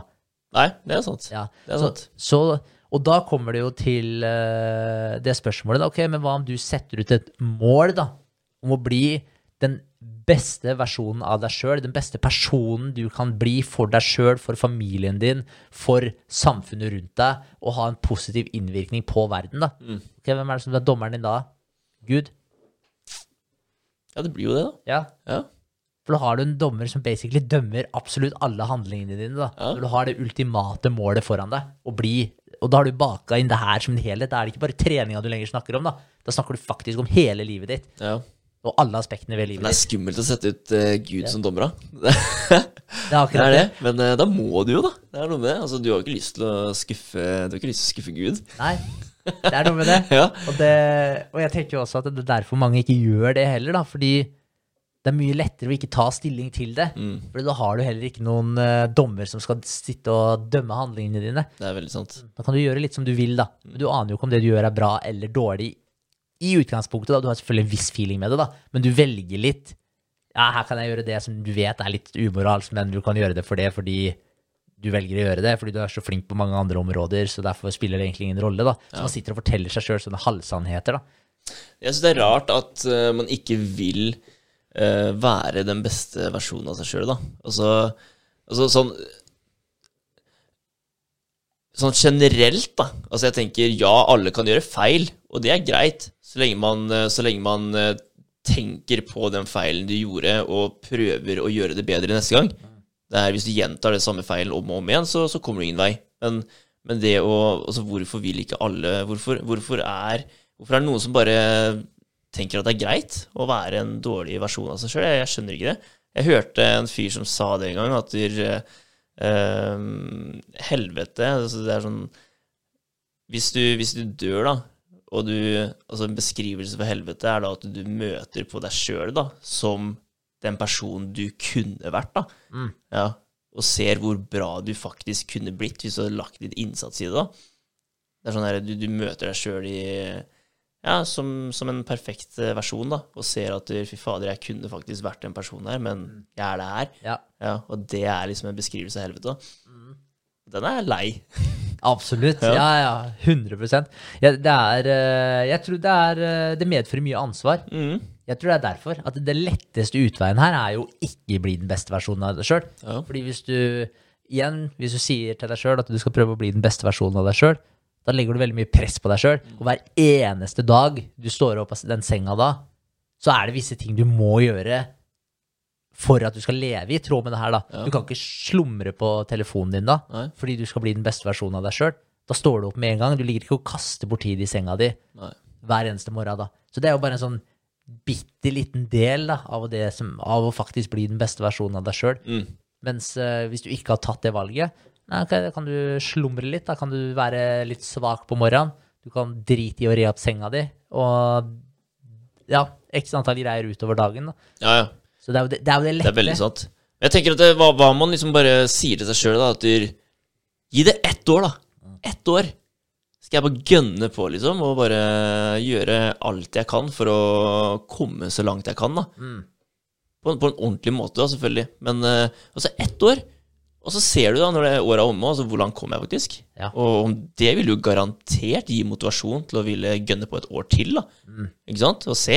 Altså, I stedet for å tenke at hele livet mitt så skal jeg jobbe for å bli den beste versjonen av meg sjøl, Gi det ett år, da.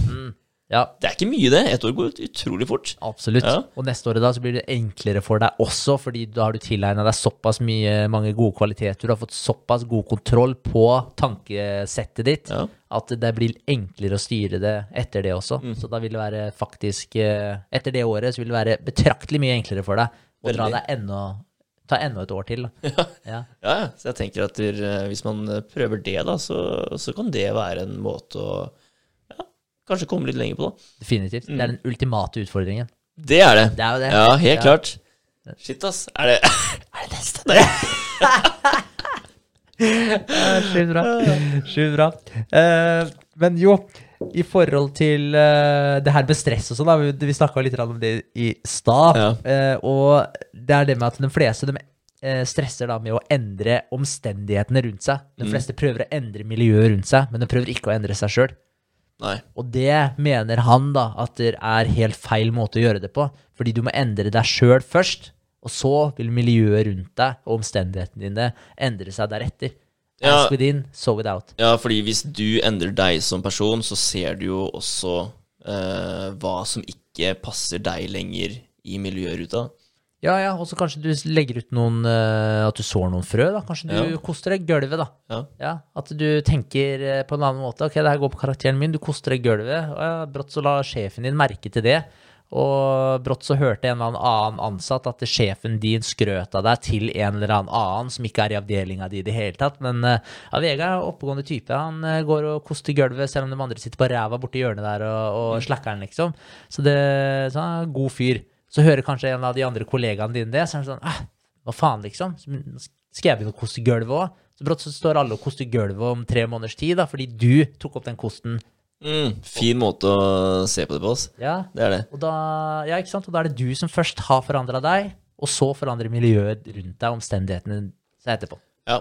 ja det, vet du, det, er en, det er en utfordring, tenker jeg da. Ja. Ja, det er helt klart uh, noe jeg skal uh, Det skal jeg gjøre.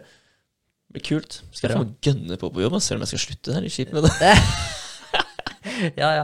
Men det er, eh, det er bra. Da er det bare å gønne på fram til du har bytta stilling, da. Ja, det er sant. Det er kult. Eh, men jo, uh, og så er det favorittavsnittet mitt i den boka her. Uh, som er oversatt så det klinger sikkert ikke like bra på norsk. Men eh, det er litt lettere på norsk enn på engelsk. da. En spesifikk tankerekke man holder fast ved, enten den er bra eller dårlig, kan ikke feile i å produsere resultatene sine på karakteren og omstendighetene. En person kan ikke direkte velge sine omstendigheter, men man kan velge tankene sine, og derfor indirekte, men sikkert, forme omstendighetene sine. Mm. Var du med på den? Ja, lite grann. Ja, skal ta Ja, en gang Ta den en gang til. En spesifikk tankerekke man holder fast ved, enten den er bra eller dårlig, kan ikke feile i å produsere resultatene sine på karakteren og omstendighetene. En person kan ikke direkte velge sine omstendigheter, men man kan velge tankene sine, og derfor indirekte, men sikkert, forme omstendighetene sine. Mm. Ja, den er jeg med på. Yes. Den er jeg med på. Du har kontroll på tankene dine, Ja. og ikke kontroll på omstendighetene dine, Nei. men ved å ha fokus på hva du, hvilke tanker du velger å underholde, Mm. så vil du på sikt også forandre på omstendi omstendighetene dine på en Ja. indirekte måte. da. Det er litt uh, Så det er jo det man gjør, da, hele tiden. Uansett uh, hva man gjør. Om man, uh, om man så får eh, en tanke, da, f.eks. Om, eh, om at du burde bytte jobb. Mm. Det, det bidrar jo til at omstendighetene dine endrer seg. Miljøet ditt eh, endrer seg. Det er eh, Du kommer jo blant eh, nye mennesker som har eh, nye meninger og synspunkter. Eh, så det er det jo tankene dine som har gjort. Definitivt. Ja. Det er jo det vi driver med hver dag òg. Altså bare med podden, da. Altså tanken om at Eller det frøet da som ble sådd, som gjorde at vi faktisk begynte med den podden her, som eh, igjen Altså, det skjedde jo ved tankene våre. Ja. Gjorde det? Bidra til at eh, vi starta en podden her, som igjen eh, bidro til at eh, vi får lov til å møte nye mennesker ganske ofte, da. Som vi kan eh, dra nytte av. Det blir et eh, nettverk for oss som vi blir kjent med, og vi får høre hvordan de tenker, da, noe som gagner oss eh, veldig mye. Absolutt. Ja, så det er veldig mye positivt som kommer ut av, ja, ut av det frøet da, som blir planta. Helt klart. Ja. Det som også er kult å tenke på, er at alt, absolutt alt du ser rundt deg, da, det ble først skapt i sinnet til noen, før det ble materialisert utad. Det er ganske kult. Det også er uh, utrolig kult å tenke på, ja. Ja, ja. Det er det. Eh, de siste kapitlene hans, da, så snakker han om eh, tankens effekt på helse og kroppen.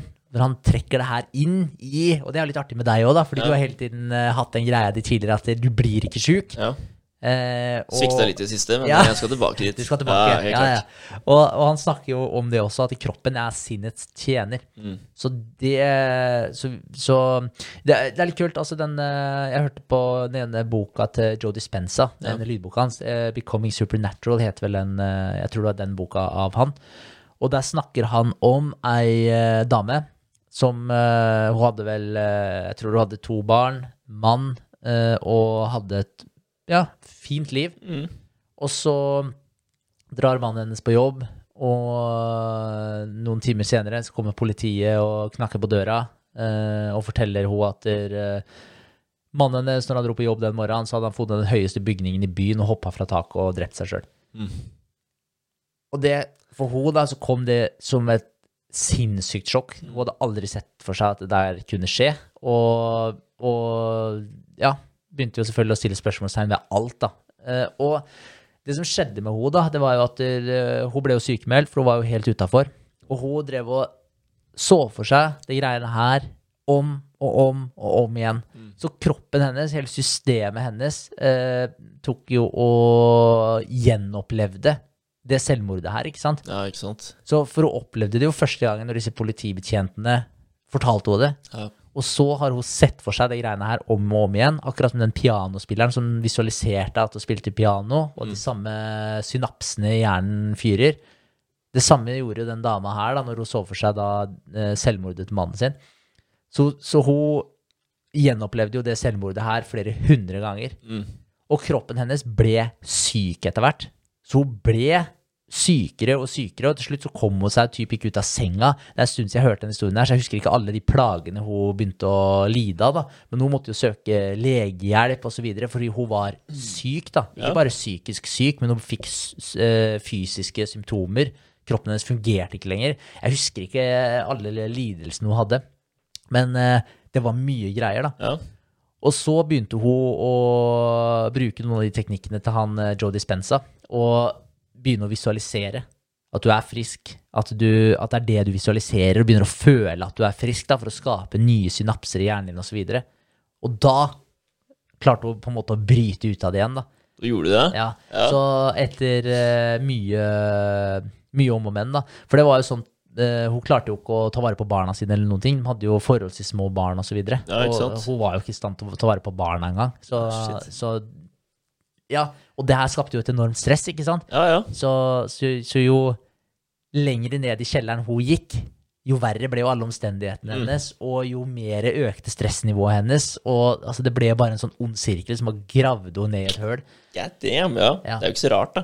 Nei, og Nei. der ser du igjen da effekten av tankene dine faktisk på helsa di òg, på systemet ditt. Fordi hun tok tak i det, og, og begynte da å bli bedre, faktisk, av å da visualisere, meditere og begynne å se for seg eh, at der, eh, livet hennes var bra igjen, basically. At hun var glad og, og ja, brukte de teknikkene der. Mm. Det var det som fikk henne ut av det.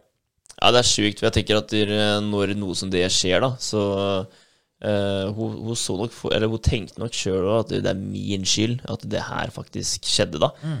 Ikke sant? Og hvis ikke jeg klarer å passe på at eh, mannen min er glad, da, hvordan skal jeg klare å passe på at barna mine er glad? ikke sant? Så det blir sikkert det en loop, det òg, da, som påvirker det videre. Og, så jeg skjønner jo det jeg skjønner det veldig godt. Jeg gjør det. Det er eh, fader ikke lett, ass. Men altså det, det må være vanskelig det å finne Joe Dispenza sine videoer, da, og få beskjed om at der, eh, ja, du må visualisere positive ting. Ja. Det å klare å hente det positive da, når du er så langt ned i, ned i mørket, da. Mm. Det må være en eh, krig i seg sjøl, bare det. Ja, ja, 100 Ja. Så uh, Det er som sagt lenge siden jeg hørte henne, så jeg husker ikke helt hvordan hun kom inn på det temaet der i det hele tatt. Ja. Men, uh, men ja, det er jo vanskelig. Når du er i det mørke hølet, og så skal du prøve å ta tak i livet ditt igjen. Det, det krever enormt med selvdisiplin, det også. Men det som er litt interessant, da, jeg har en kompis som har vært uh, sjuk i Ja, det er vel uh, i å, overkant av tre år nå. Ja. Ja. Og han har uh, ikke klart å gjøre noen verdens ting da, på de tre åra omtrent. For har han prøvd å gjøre noe, så har han ligget rett ut etterpå og vært helt ødelagt. Og han meldte seg på et kurs ja. som handla om de tinga her. da.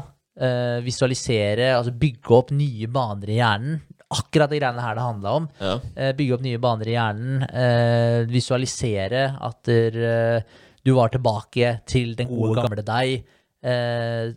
ja, sette opp noen bilder, type sånn dreamboard. sette opp noen bilder av der du har lyst til å være. eller en påminnelse om hvem du faktisk egentlig er.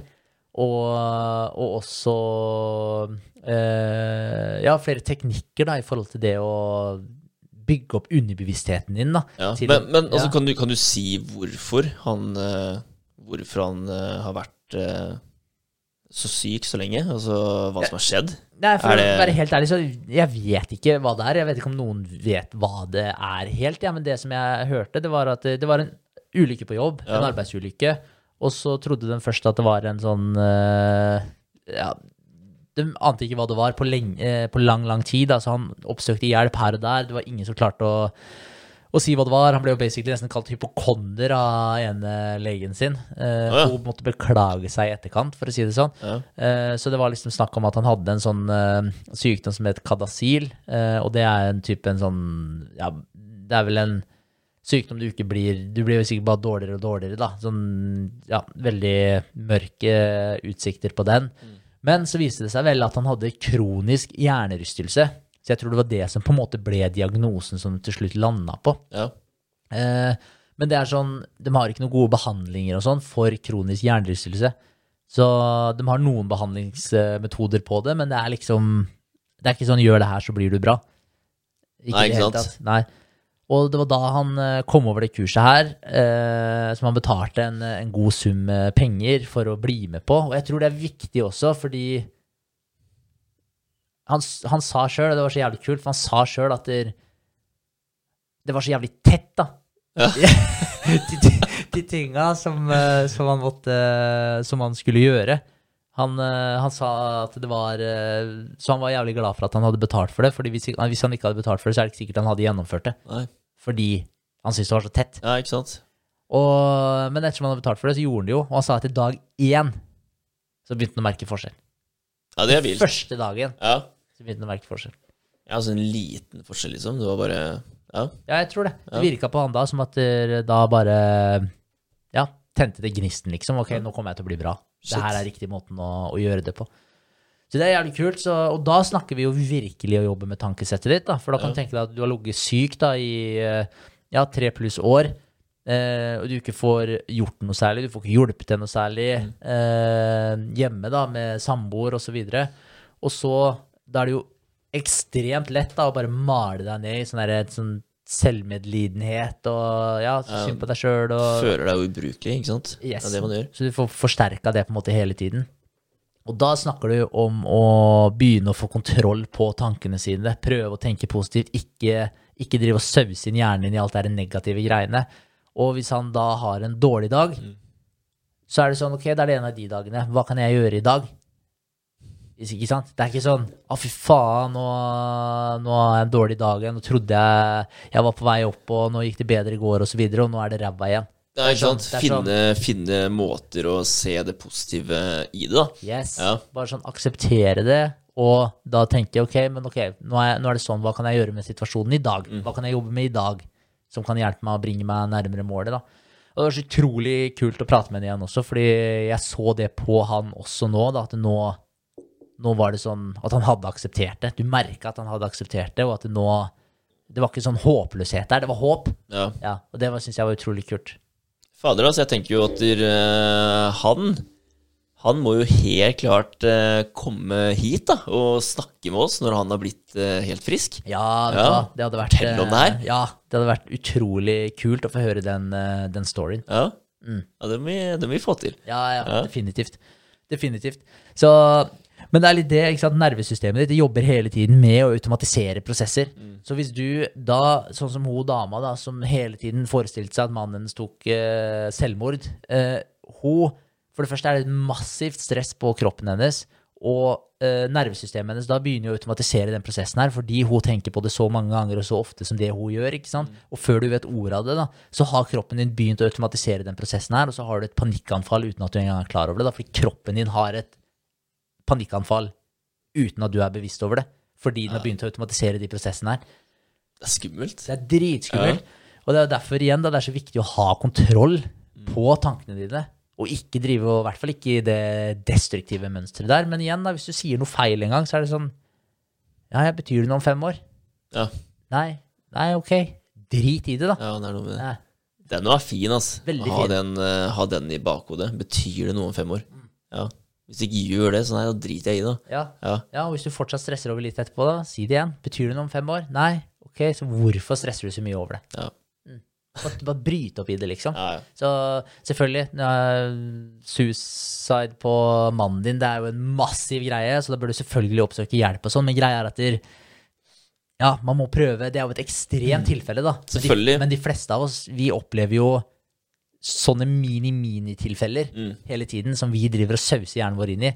De er jo mye enklere å dirigere andre veier. Ja, ja, men jeg tenker jo det at er man flink til det her, da, og hvis du, hvis du, hvis du øver mye på forskjellige ting her, og klarer å fylle den der verktøykassa da, som vi snakker om uh, ganske ofte, uh, og har de der eh, teknikkene og de metodene, og du, du har blitt vane med det å faktisk klare å styre tankene dine, da, og, en, og så, så skjer en ting som det her, da, tenker jeg at da er du litt mer rusta til å klare å takle den situasjonen, kontra hvis du ikke hvis du mangler alle de verktøya i den kassa. Definitivt. Ja. Ja, ja, 100% Det er uh, så enig. Mm. Er, uh, du er rusta ja, for å takle de tinga når det skjer, fordi det kommer til å skje. Ja. Før eller siden. Det kommer til å skje et eller annet fælt i livet ditt på et eller annet tidspunkt. Sånn er livet. Det er veldig sant. Det er noe med å gjøre seg klar, klar mot det som eh, skjer. Det er litt som eh, Noahs ark, da. Altså bygge den eh, båten før eh, flommen kommer. Så er du klar for å takle det som faktisk skjer, da. Det er perfekte Ja. bilde på det. Det er det. Absolutt. Så bygg arken din så sterk som overhodet mulig, sånn at du kan takle flommen når den kommer. Det er godt sagt. Eh, jeg kan avslutte, altså Det er flere kapitler av den boka her, men jeg kan avslutte med et uh, sitat uh, fra han uh, karen her. Eh, og det er eh, Det han sier, da, det er at viljen til å utføre noe springer ut fra kunnskapen om at vi klarer å gjøre noe. Tvil og frykt er fiendene til denne kunnskapen, og den som underholder de, og ikke slakter de, hindrer seg selv for hvert eneste steg. Så det betyr at det at du tenker at du klarer å gjøre noe, det er det som vil gjøre at du klarer å utføre noe. Så du må ha troa på deg sjøl. Du må tenke at du klarer å utføre den tingen her. Og da vil du, da vil du også få utført ting, da. Men tvil og frykt, det vil stikke kjepper i hjula for deg sjøl. Det er klart det. Og så tenker du at du klarer å gjøre, gjøre den oppgaven her, da. Da setter du deg ned og begynner å lete etter måter å faktisk eh, løse det på. Kontra hvis du sier til deg sjøl at det, det her går jo ikke. Da, da gidder du ikke å lete heller. Absolutt ikke. Nei. Nei, den er så fin. Mange bra. Altså, jeg tenker jo at det, man burde jo ta Man burde jo ta alle Man burde komme seg gjennom den boka her, da. Så jeg føler liksom at en episode til eh, med det her, det, det, det må skje. Absolutt. Ja. Det er 42 sider Ja, ikke boka er på. Den er, eh, den er superkort.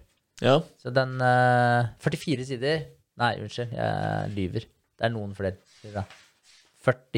47 sider. 47 sider, ja. Jeg syns nesten du bør vise den til kamera. Altså bare for de som faktisk ser på YouTube, så, så får du se hvordan eh, boka ser ut. Og hvor tynn den er, da.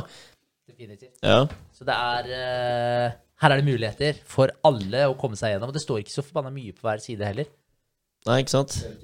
Fader, altså. Ja. eh, Må lese den, jeg òg. Ja, du må faktisk det. Ja. Og det som står bakpå den også, er at this work has been selected by scholars as being cultural, culturally important and is part of the knowledge base of civilization as we know it.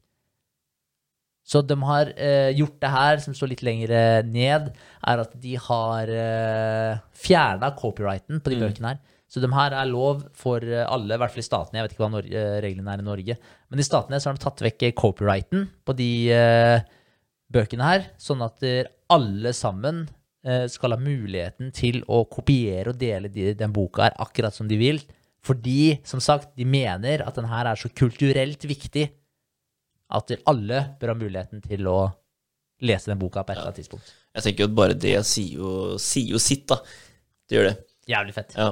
Det er litt som eh, vi snakka om uh, Bibelen. Altså hvis noen mener at det er såpass viktig for andre å få med seg hva som, eh, hva som står og ligger i denne boka, her, da, så, så burde man jo kanskje ta seg tid til å lese den.